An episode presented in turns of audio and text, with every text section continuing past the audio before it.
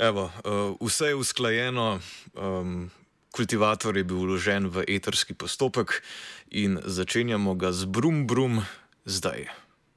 Ne, ker tehniki nimajo pripravljenih avizov.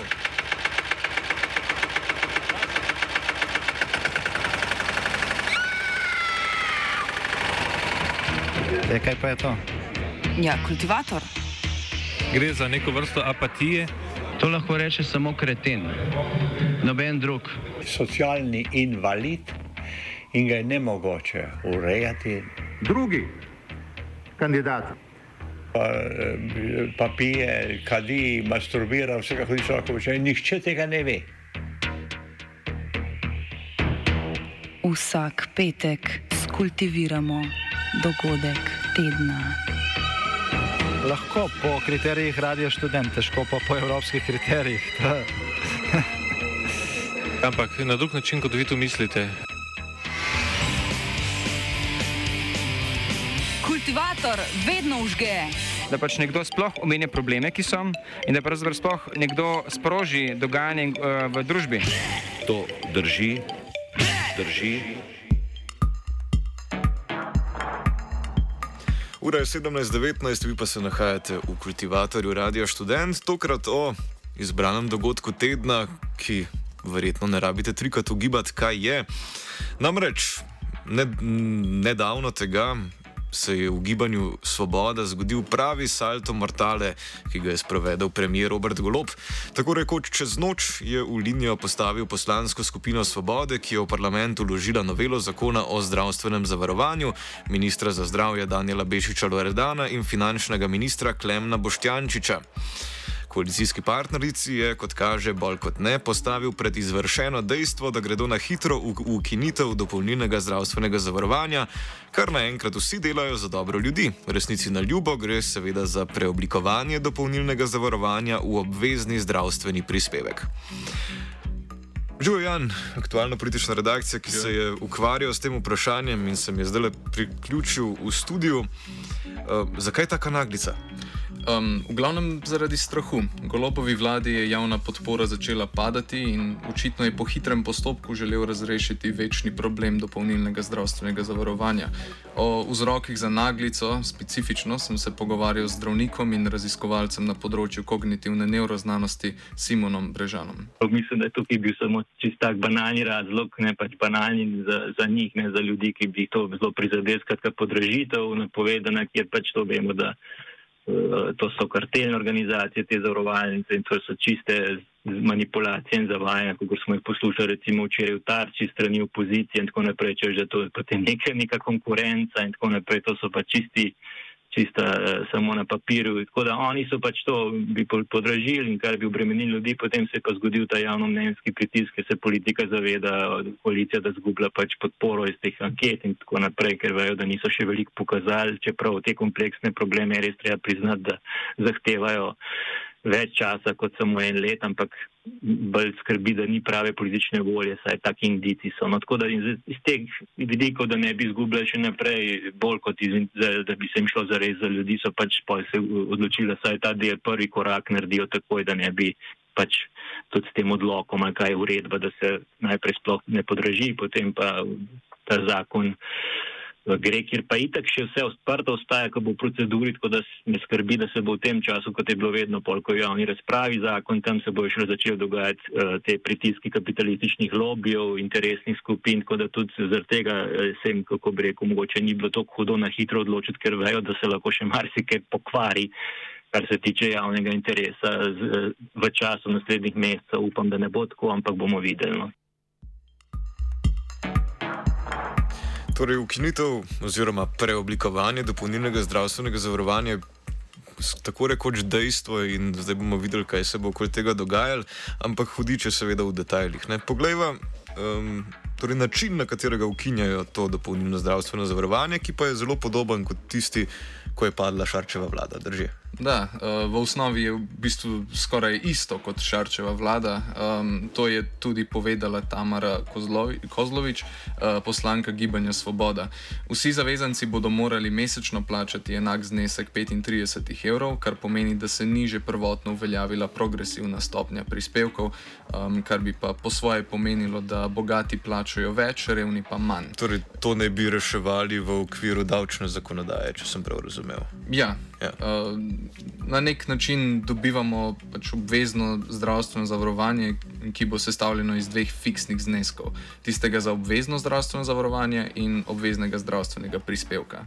Glede tega je pa pač vedno, vedno problem v strankarski strankokraciji, da pač očitno ni politične volje zaradi nekih pritiskov, bogatejših lobby.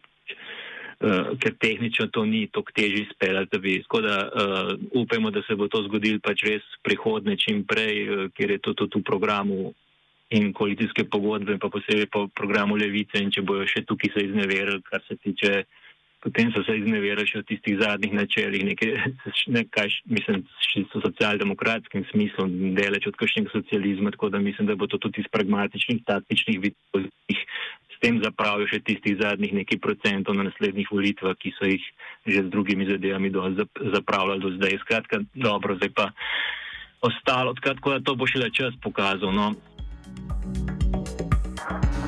Zdaj pravijo, da se ekstremno mudi, ne, da bi preprečili dobičke zavarovalnic oziroma um, višanje premije, pa zamrznili so zdaj to premijo in tako naprej, ampak hkrati pa ta zakon o preoblikovanju dopolnilnega zdravstvenega zavarovanja v parlament prihaja po rednem postopku. Zakaj?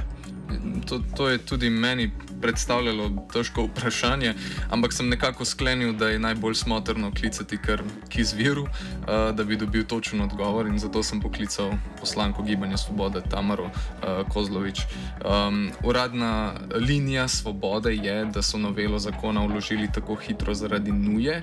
Um, Tamaro sem vprašal, zakaj so to storili po rednem in ne po nujnem postopku, če je res temu tako.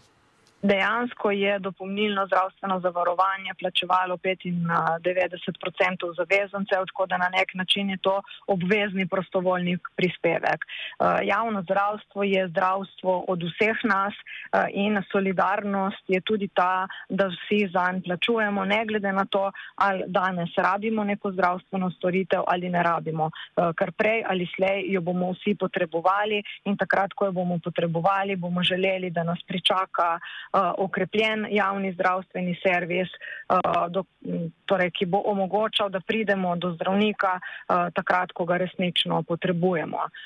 Je pa zagotovo to en majhen mozaik v tej zdravstveni reformi, ki jo načrtujemo in v okviru zdravstvene reforme si prizadevamo resnično povečati učinkovitost, dostopnost in tudi kakovost javnega zdravstvenega sistema. Mi poslanci lahko vlagamo zakone po skrajšanem ali pa rednem postopku. Vseeno smo ocenili, da gre za prepomembno tematiko. Vemo, da se o njej razpravlja že 20 let in smo vseeno želeli, da se tudi o tem, tej noveli, ki smo jo pripravili, ne glede na to, da je o tem državni zbor že razpravljal, vseeno vsaj eno razpravo opravi in da ne nazadnje v okviru redne razprave tudi kakšen člen, ki smo ga predlagali, izboljšamo.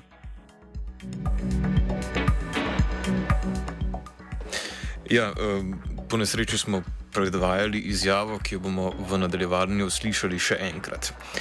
Tamara Kozlovič je na torkovi novinarski konferenci dejala, da število zavezancev za plačilo obveznega zdravstvenega prispevka ostaja enako, kakor tistih, ki so plačevali dopolnilno zdravstveno zavarovanje, ampak vseeno je bilo dopolnilno zavarovanje, vsaj na papirju, ne prostovoljno. Vemo pa, da jih 95 odstotkov ljudi naj bi to plačevalo. Da, res je, da precej ljudi ni plačevalo tega dopolnilnega zdravstvenega 5 zavarovanja. 5% je na, načel, na zadnje veliko, ja. Ja. Razlogov za to sicer točno ne vemo, uh, ali si tega nismo, niso mogli privoščiti, ali pa lahko zdravniku plačajo vsakič, ko gredo k njemu. Za tisto, kar ne sodi v obvezno zavarovanje, seveda. Ko sem Tamaro Kozlovič vprašal glede zavezancev, ki so pred novelo zakona vsaj na papirju imeli prosto izbiro pri tem, ali za zavarovanje plačajo ali ne, um, nisem dobil konkretnega odgovora. Dejansko je dopolnilno zdravstveno zavarovanje plačevalo 95% zavezancev, tako da na nek način je to obvezni prostovoljni prispevek.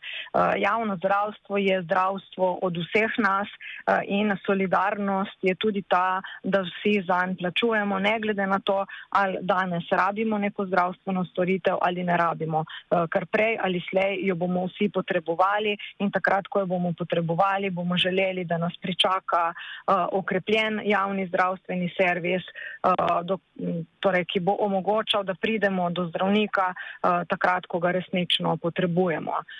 Je pa zagotovo to en majhen mozaik v tej zdravstveni reformi, ki jo načrtujemo in v okviru zdravstvene reforme si prizadevamo resnično povečati učinkovitost, dostopnost in tudi kakovost javnega zdravstvenega sistema.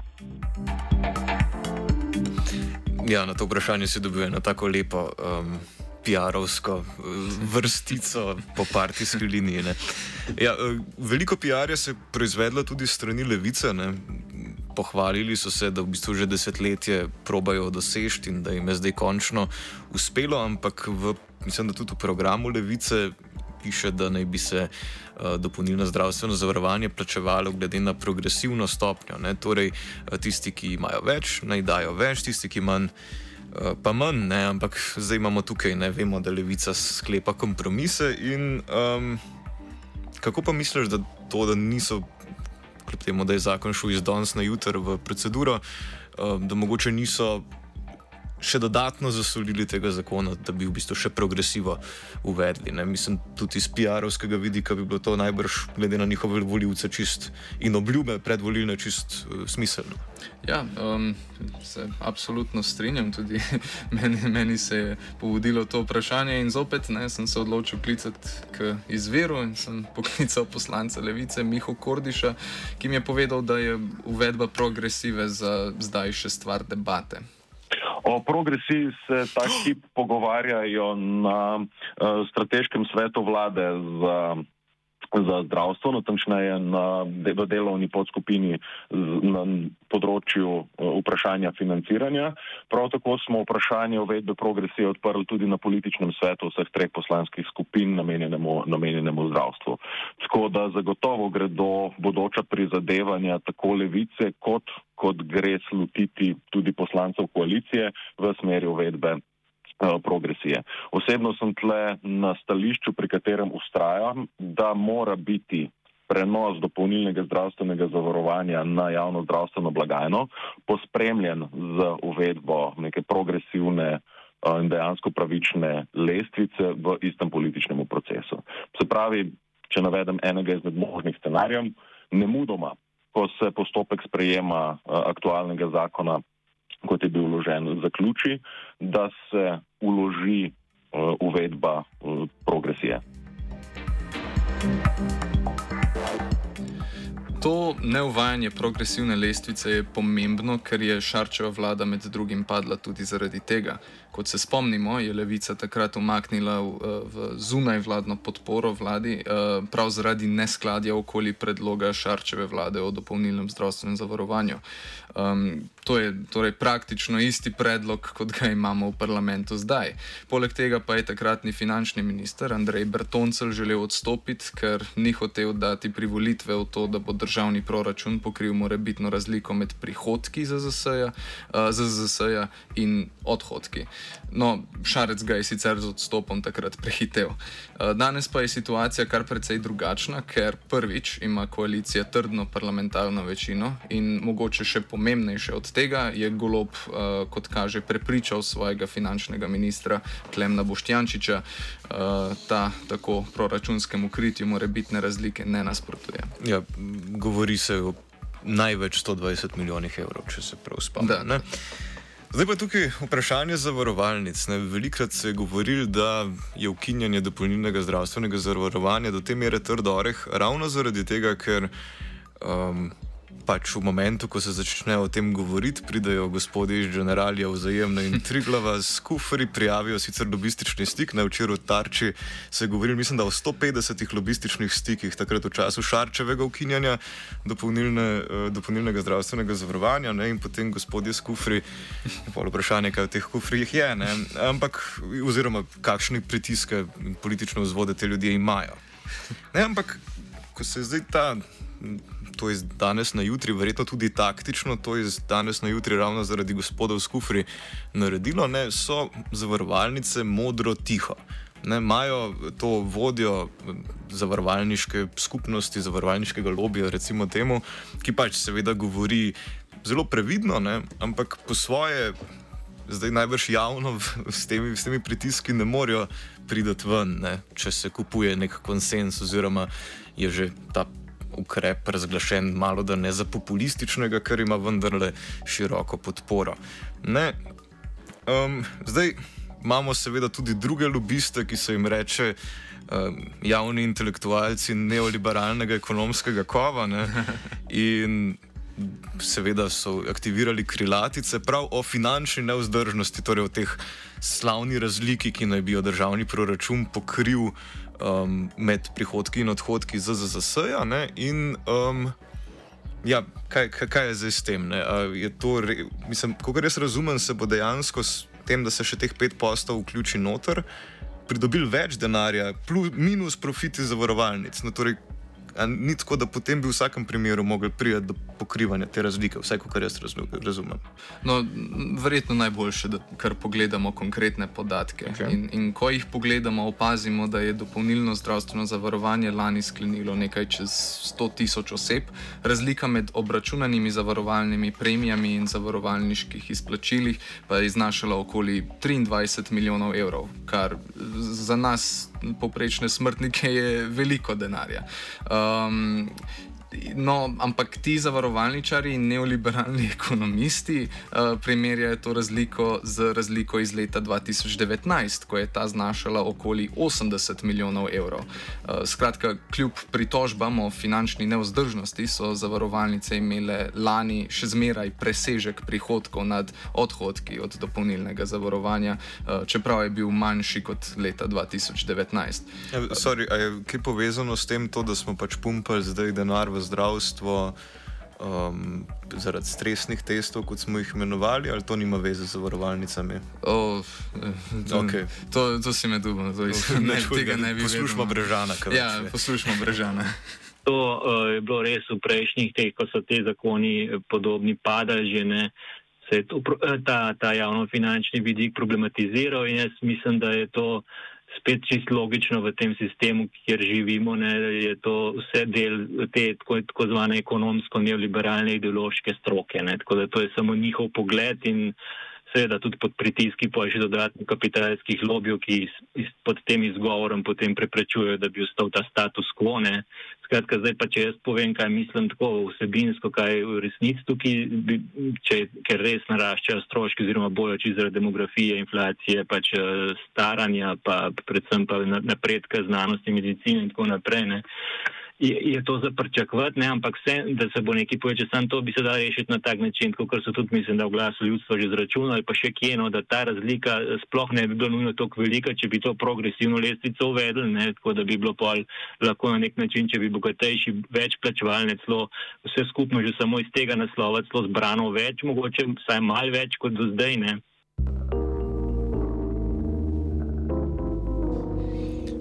Zdaj smo govorili o ukinitvi dopolnilnega zdravstvenega zavarovanja, ampak to je v bistvu samo eden izmed prvih korakov k celoviti eh, zdravstveni reformi, ki jo vlada obljublja do konca tega mandata. Um, in v sklopu tega bomo na tapeto dali še par zdravstvenih zakonov. Že prejšnji teden je uh, Daniel Bešiš Loredan, gospod minister, predstavil zakon o Zavodu za zdravstveno zavarovanje. Ne, Torej, uh, tudi na to je letelo veliko kritik, da zakaj najprej rušiti ZZS, zakaj ne gledati, kaj dejansko ustvarja te čakalne vrste in tako naprej, pa dvoživke in tako naprej. No, dej, če se ustavijo pri zakonu o Zavodu za zdravstveno zavarovanje, gre za posebno nov zakon, ne za spremembo kakršne koli obstoječe zakonodaje in kaj ta zakon ureja oziroma ruši, kot pravijo. Uh -huh.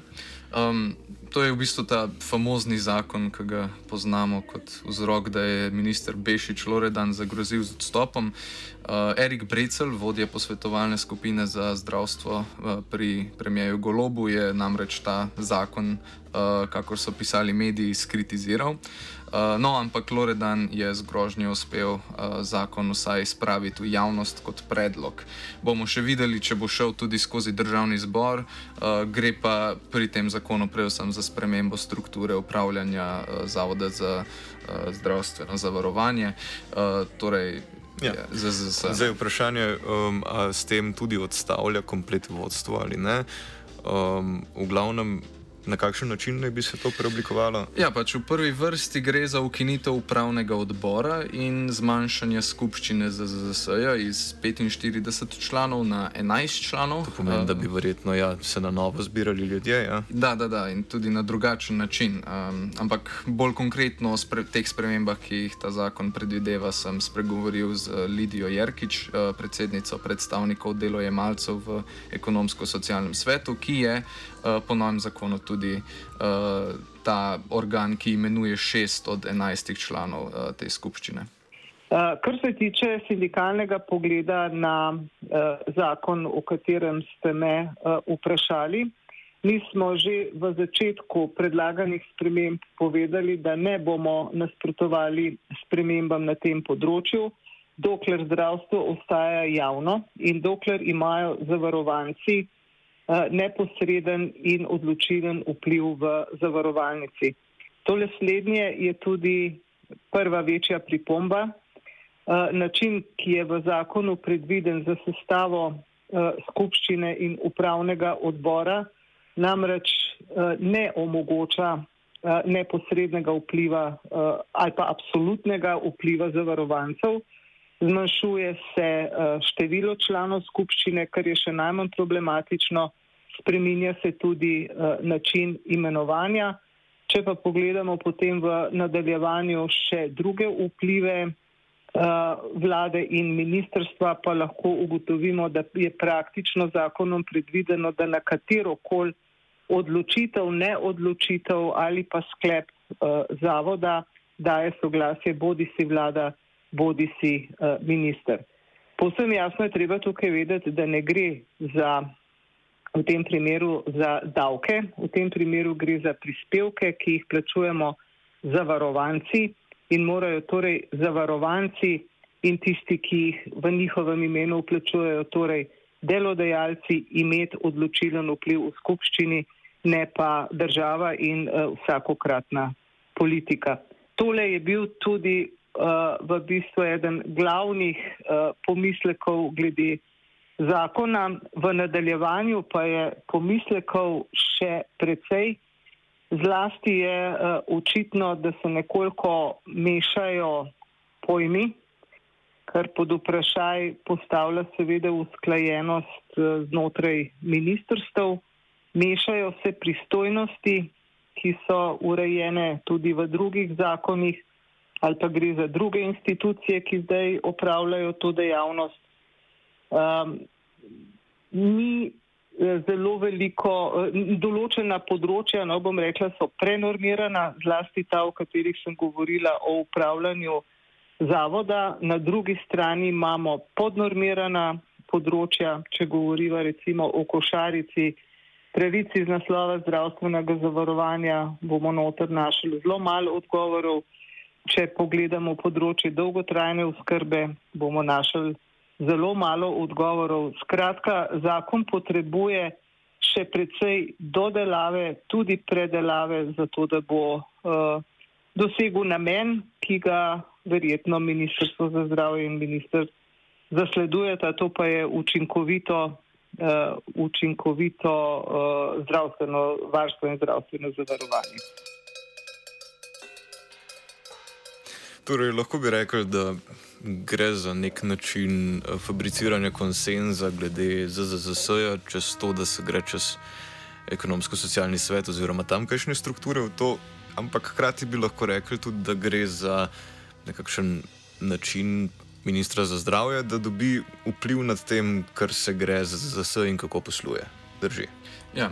Um, s tem se načeloma strinjajo vsi, razen predstavnikov vlade. Uh, na to kaže tudi določba v zakonu, po kateri bi lahko Loredan predlagal ZZS-ju uh, v sprejetje nekatere akte, če pa jih ZZS ne bi sprejel, bi jih lahko sprejel ministr za zdravje. Zelo očitno je tudi, da želi imeti prvo in zadnjo besedo vlada. V zakonu bomo našli vse bistvene odločitve Zavoda za zdravstveno zavarovanje, ki morajo biti potrjene strani eh, vlade ali imeti eh, njeno soglasje oziroma lahko vlada zavodu celo naroča, da opravlja določene eh, dodatne storitve. Zakon je nekoliko ali pa precej nekonsistenten, posega v druge zakone, tudi v zakon o zdravstvenem varstvu in zdravstvenem zavarovanju. Uh, na prvi pogled se zdi, da posega v pristojnosti drugih institucij. Skratka, uh, občutek je, da pripravljalci zakona, tega zakona niso usklejevali z drugimi resori in da je tudi vsebina zakona bolj uh, namenjena uh, usmeritvi v cilj, da, da vlada prevzame nadzor nad tem področjem, kot pa temu, da bi, da bi resnično v skladu sedanjo z zakonodajo to področje uh, bilo urejeno. Ne bi rada rekla, da so ga pisale osebe, ki uh, nimajo nujno znanja z drugih področji, ampak na določenih točkah se zdi temu uh, ravno, ravno tako.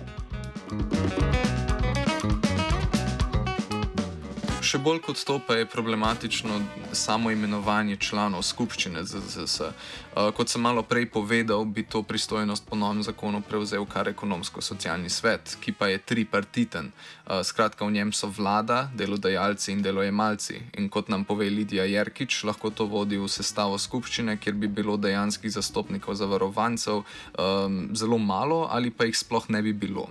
Samo število verjetno ni tako zelo problematično, ne, kot je način imenovanja. Tukaj, če pogledate, se zdi, da sicer zavarovanci v okviru ekonomsko-socialnega sveta uh, imenujejo svoje predstavnike, uh, šest jih je, ampak vendarle, uh, mislim, da ali sestavljalec ne pozna uh, sestave ekonomsko-socialnega sveta, kar seveda dvomim ali pa je želel skrit v okvir tega imenovanja uh, svoje predstavnike. Ekonomsko-socialni svet je tripartiten, tam noter je poleg predstavnikov zavarovancev, to so uh, sindikati, so še delodajalci in vlada. Ne, kar pomeni, da v tistem trenutku ni več šest predstavnikov uh, uh, zavarovancev, morda sta lahko dva ali pa nihče, ne, če jih me, imenuje ISS. Delodajalci so izuzeti, če vidite v nadaljevanju, imajo dva svoja predstavnika in vlada ima svojega predstavnika. Tole, že ta način uh, imenovanja zbuja precejšen dvom v to, da bodo zavarovanci imeli resnično vpliv. Naj omenem, da tukaj zraven tudi upokojencev neki v trenutnem, v trenutnem sestavu seveda uh, so. Za vse te javne razprave okoli eh, prenove slovenskega zdravstvenega sistema se v bistvu mnogokrat oglašajo različni odločevalci, ki so že bili na potezah, pa jim to zaradi takih ali drugačnih razlogov ni uspelo. Ne? Vemo, da Keber je v letu kar s svojim zakonom, čez glas ljudstva, imamo pa tudi na odmevega, naprimer, vabijo sama Fakina, eh, nekdanjega zdravstvenega ministra in tudi nekdanjega direktorja ZZS-ja, ki je pa tudi dejal, ne, da zakon, kot smo slišali, sploh glede na to, kako bi se 11-članska skupščina um, zavoda imenovala, da gre za poskus političnega imenovanja vodstva zavoda in pa seveda na ve večji nadzor ministra nad delom zavoda. Ne? Ja, o, o tem smo spraševali uh, vse sogovorce in sogovorke, ampak morda damo zaključno besedo Lidiji Jerkič. Zdaj, jaz verjamem, da minister Loredan uh, smatra vse tako, kot si razlagam uh, marsikatero njegovo potezo, uh, da, da mu je iskrena želja imeti nadzor nad vsem, kar se dogaja, sploh glede na to, kar pogosto letijo kritike na uh, Ministrstvo za zdravje. Uh, je pa to nekaj, kar uh, ni nujno uh, najboljše. In kot se rekla prej, celoten zakon, ko ga preberemo, diši po podržavljanju uh, zavarovalnice. Ta zavarovalnica ni državna zavarovalnica, ta zavarovalnica je zavarovalnica zavarovancev. In ta namen ni uh, v redu.